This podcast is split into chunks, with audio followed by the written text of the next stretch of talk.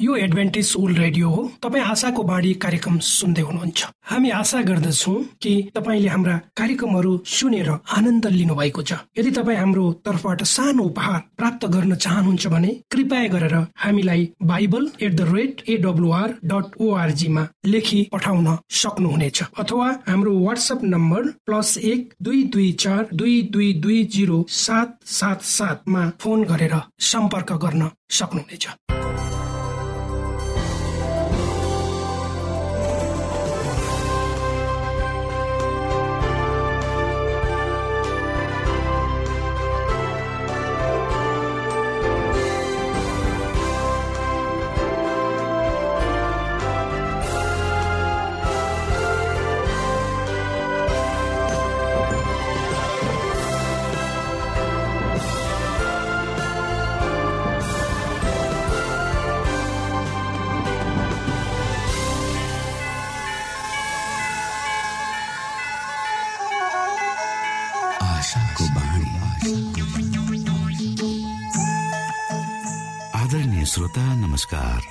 समय तपाईँ Adventist world रेडियोको प्रस्तुति भोइस अफ होप आशाको बाणी कार्यक्रम सुन्दै हुनुहुन्छ।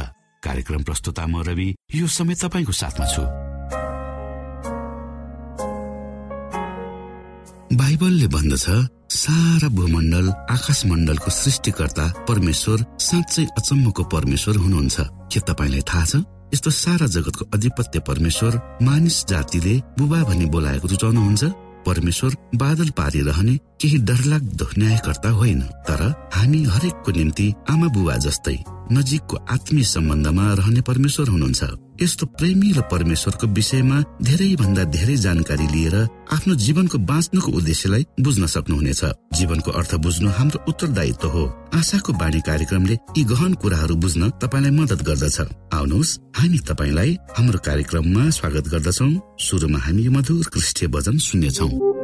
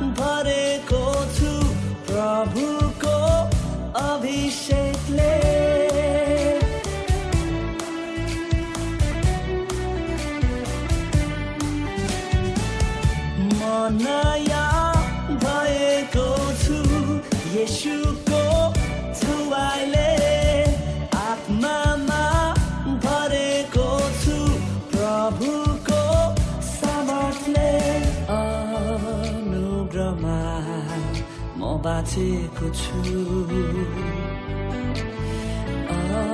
अनुग्रमा म हाँसेको छु। अनुग्रमा म बाँचेको छु।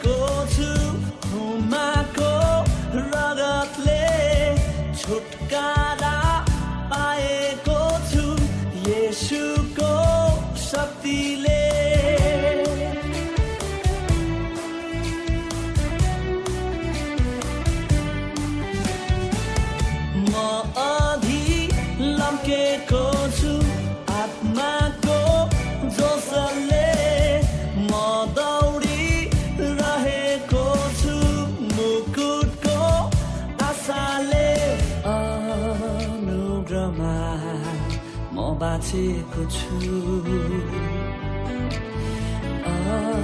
अनुग्रहमा म हाँसेको छु।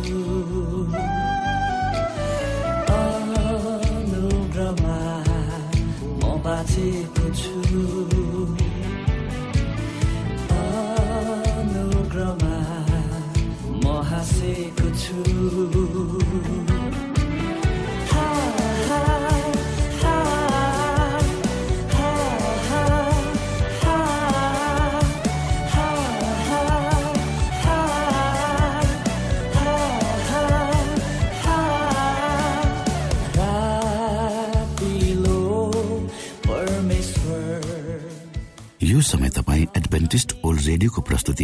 भोइस अफ होप आशाको बाणी कार्यक्रम सुन्दै हुनुहुन्छ।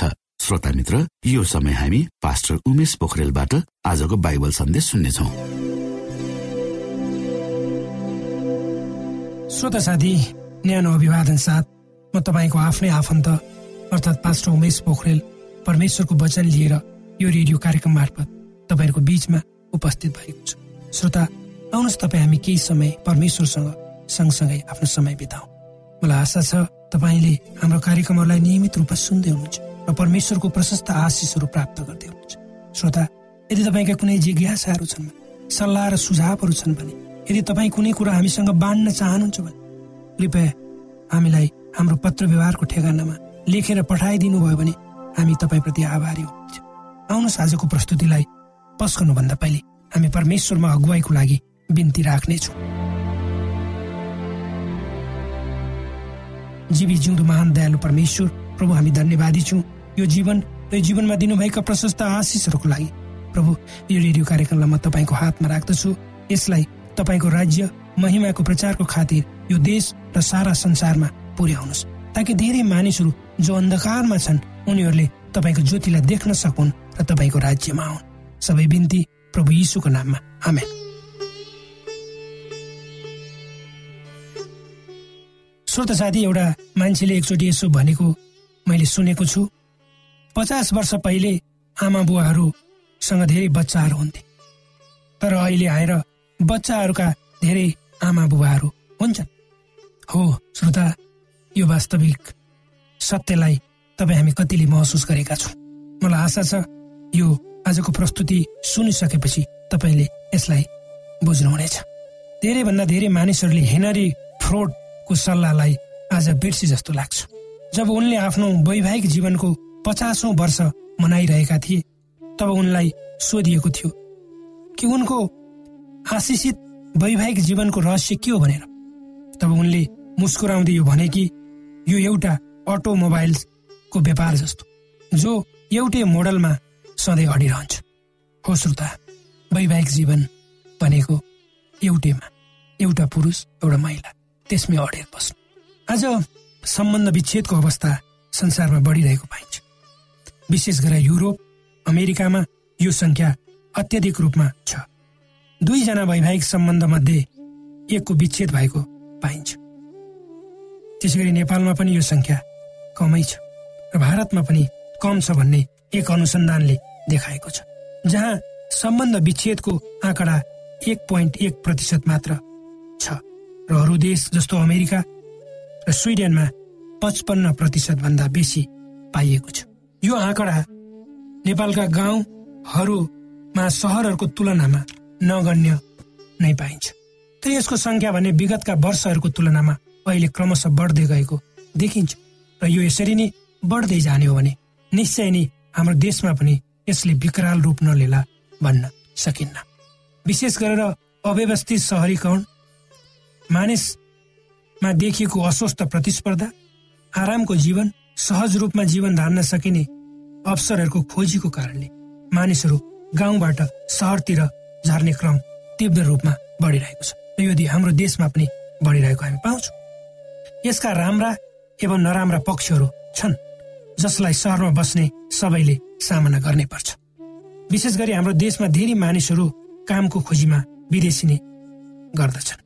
र यो पनि एउटा कारण हुन सक्छ सम्बन्ध विच्छेदको। जे भए पनि यो एउटा सामाजिक समस्या हो र यसको जे भए पनि एउटा सामाजिक समस्या हो र यसले हाम्रो परिवारमा नराम्रो गरी पकड जमाउँदै गएको छ जसलाई राम्रो मान्न सकिन्न। परमेश्वरले बनाउनु भएको व्यवस्था शैतानले विभिन्न माध्यम र उपायहरूद्वारा भत्काउने काम गरिरहेको छ। शैतान चाहँदैन कि कुनै परिवार मिलेर शान्ति र आनन्दमा परमेश्वरको उपस्थितिमा रमाओस् भनेर। त्यसैले त उसले वैवाहिक सम्बन्ध जस्तो पवित्र बन्धनमाथि पनि निरन्तर हमला गरिरहेको छ। यसबाट बच्न तपाईँ हामी सबैले निरन्तर रूपमा परमेश्वरको मद्दत खोज्नुपर्छ र परमेश्वरसँग आफ्नो जीवनलाई नजिक राखेर हिँडाउनुपर्छ। सम्बन्ध विच्छेदको कुरालाई म घृणा गर्दछु भनी परमप्रभुले स्पष्ट रूपमा भन्नुभएको छ।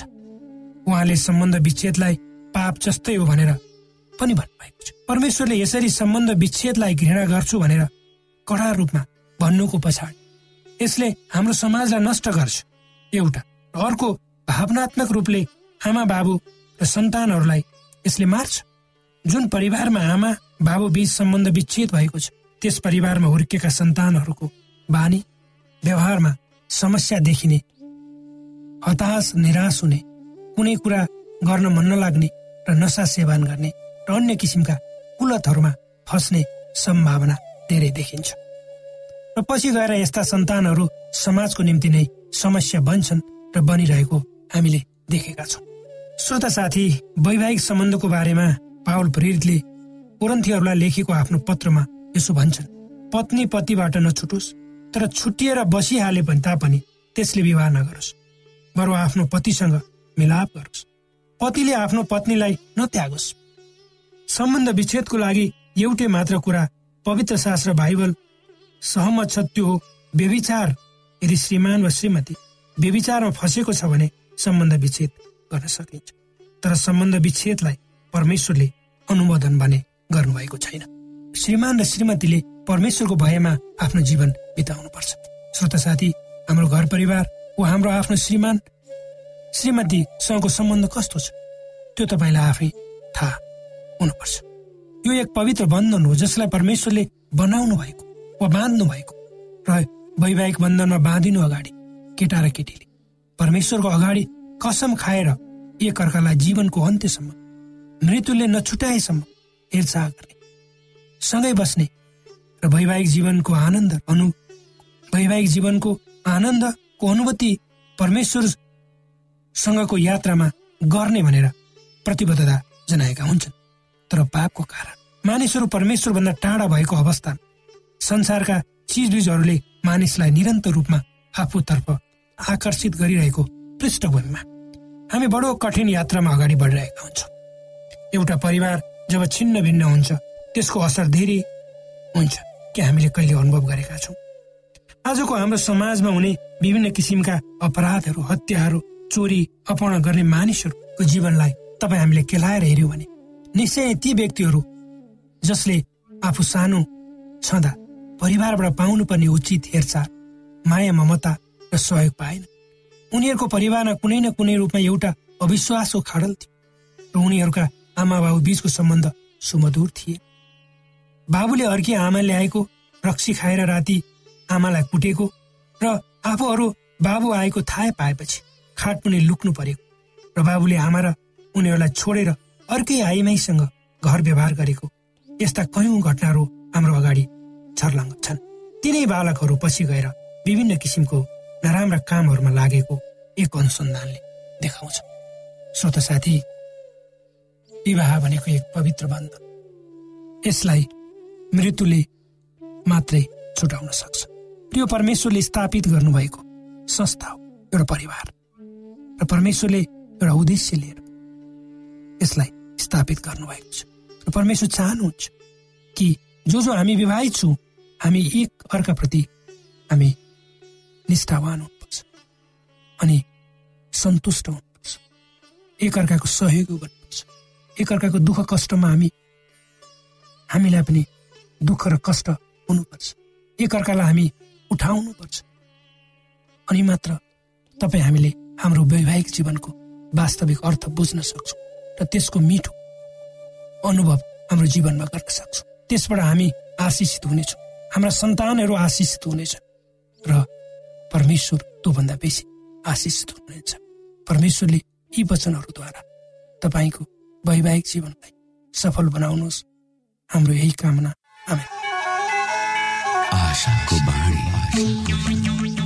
श्रोता भर्खरै यहाँले पास्टर उमेश पोखरेलबाट बाइबल वचन सुन्नुभयो। यो समय तपाईँ एडभेन्टिस्ट ओल्ड रेडियोको प्रस्तुति भोइस अफ होप आशाको बाणी कार्यक्रम सुन्दै हुनुहुन्छ। कार्यक्रम सुनेर बस्नुहुने सबै श्रोतालाई हामी हाम्रो कार्यक्रममा स्वागत गर्न चाहन्छौ। श्रोता मित्र यदि तपाईँ जीवनदेखि हरेस खानु भएको छ तपाईँका जीवनमा धेरै अनुत्तरित प्रश्नहरू छन् भने आउनुहोस् हामी तपाईँलाई परमेश्वरको ज्योतिमा डोहोर्याउन चाहन्छौँ। तपाईँ आफ्नो जीवनका चिन्ता फिक्रीबाट निश्चिन्त हुनुहोस् र बाँच्नुको आनन्द परमेश्वरको सामिप्यमा कति मिठो हुन्छ त्यो चाख्नुहोस् भनी हामी चाहन्छौँ। श्रोता यदि तपाईँ आशाको बाणी कार्यक्रमलाई अनलाइन सुन्न चाहनुहुन्छ वा डाउनलोड गर्न चाहनुहुन्छ भने ओआरजीमा जानुहोस्। त्यहाँ तपाईँले प्रत्येक दिनको कार्यक्रम सुन्न र डाउनलोड गर्न सक्नुहुनेछ। हाम्रो वेब पेज यस प्रकार छ।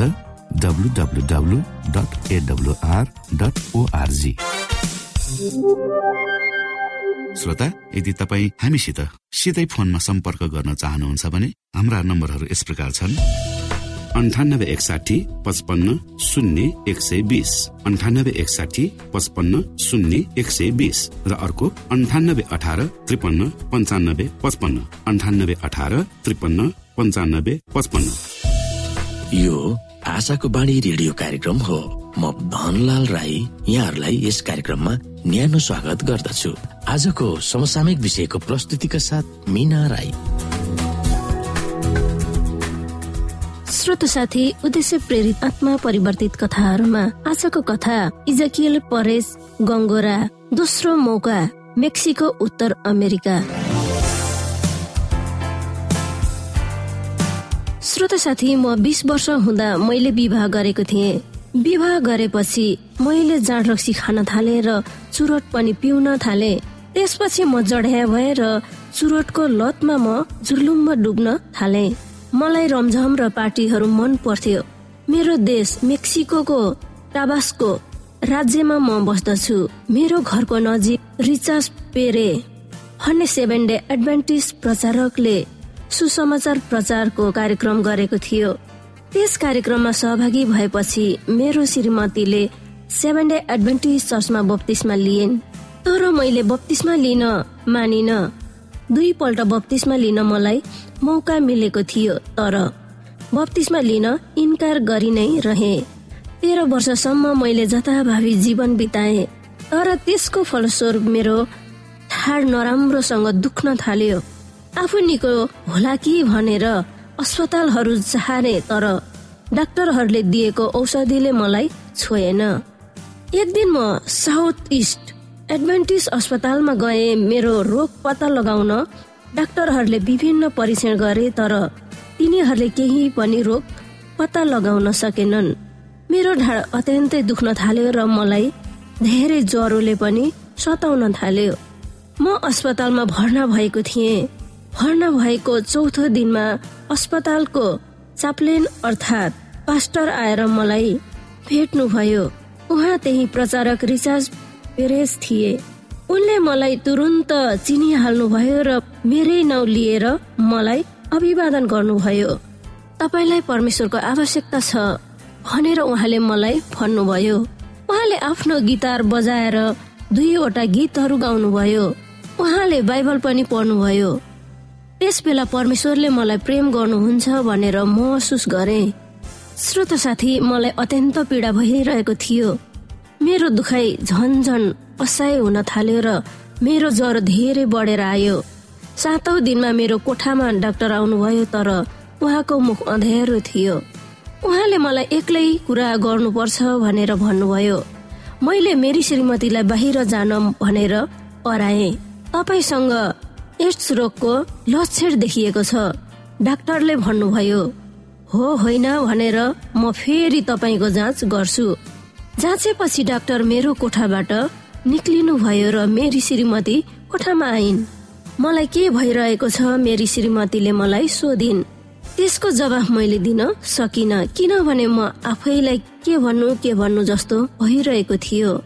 मैले अत्यन्तै खराब जीवन बिताइरहेको थिएँ र मलाई थाहा थियो त्यसैको कारणले म यो बिरामीमा परिरहेको छु। अनि मलाई पास्टरको वचनको याद आयो। उहाँले भन्नुभएको थियो अब तपाईँलाई परमेश्वरको आवश्यकता छ। मैले श्रीमतीलाई फेरि बाहिर जानु भने किनभने म प्रार्थना गर्न चाहन्थे। म रोएर प्रार्थना गरे मलाई जिउन अर्को मौका दिन परमेश्वरसँग मागे। मलाई एड्स नभएको बनाइदिन परमेश्वरसँग मद्दत मागे। एकछिन पछि डाक्टर फर्काउनु भयो र भन्नुभयो मसँग तपाईँलाई दिने असल र खराब खबर छ। असल खराब चाहिँ तपाईँमा एड्स छैन। खराब खबर चाहिँ तपाईँलाई के रोग लागेको छ सो मलाई थाहा छैन। मेरो रगतको परीक्षणले ममा एड्स नभएकोले मेरो प्रार्थना परमेश्वरले सुन्नुभयो भनेर मलाई थाहा भएको थियो। अर्को परीक्षणमा मेरो फोक्सोमा पानी भरेको देखिएको थियो। डाक्टरले मेरो फोक्सोमा र छातीको बीचमा पाइप हाल्नुभयो ताकि त्यहाँबाट पानी निक्लिउन् र पाँच दिन पछि म घर जान सकु। तर पाँच दिनपछि पनि मलाई दुख्न कम भएन र अर्को परीक्षणले मेरो जिउभरि मासु पलाएको देखियो। केवल परमेश्वरको हस्तक्षेपले मात्र तपाईँ बाँच्न सक्नुहुन्छ भनेर म तपाईँलाई सतर्क गराउन चाहन्छु डाक्टरले भन्नुभयो। भोलिपल्ट नै शल्यक्रिया गर्ने निर्णय गरियो। मैले फेरि प्रार्थना गरे। मैले बर्बाद पारेको जीवनबाट नयाँ जीवन पाउन परमेश्वरसँग फेरि बिन्ती गरे। शल्यक्रिया गर्ने दिनमा मलाई लठ्याउने औषधि दिन अपरेसन कोठामा लगियो। त्यस बेला फेरि मैले प्रार्थना गरे हे प्रभु मलाई बाँच्न दिनुभयो भने म बत्तिसमा लिन्छु र मेरो जीवन तपाईँमै समर्पण गर्छु। डाक्टरहरूले छ घन्टा लगाएर मेरो शल्यक्रिया गरे। जब म बिउजे तब मैले आफूलाई आफ्नै कोठामा भएको पाएँ। मेरी श्रीमती र मेरी छोरीहरू मसँग कुरा गर्न पर्खिरहेका थिए। मलाई जिउन परमेश्वरले फेरि मौका दिनुभएको मैले भनेर म विश्वस्त भए। श्रोत साथी एक्काइस दिनपछि म अस्पताल छोडे। तीन हप्तापछि चर्चमा अर्को सुसमाचार प्रचार कार्यक्रम गरियो। त्यस बेला मैले बत्तिसमा लिएँ। अब म चर्चमा सरसफाई र मूल डिकन भएर चर्चमा सघाउँछु। जिउने दोस्रो अवसर दिनुभएकोमा परमेश्वरलाई धेरै धेरै धन्यवाद। म जिन्दगीभर उहाँको सेवा गर्नेछु।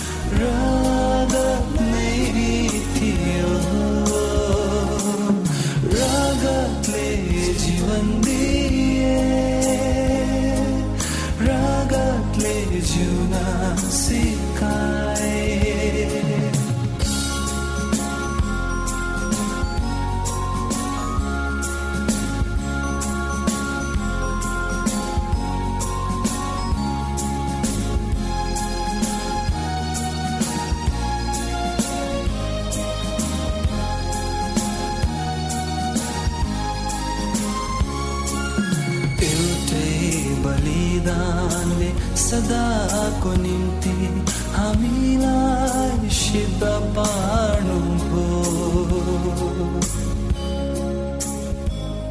श्रोता हामीसँग पत्राचार गर्ने हाम्रो ठेगाना यस प्रकार छ। आशाको बाणी पोस्ट बक्स नम्बर दुई शून्य शून्य शून्य दुई काठमाडौँ नेपाल।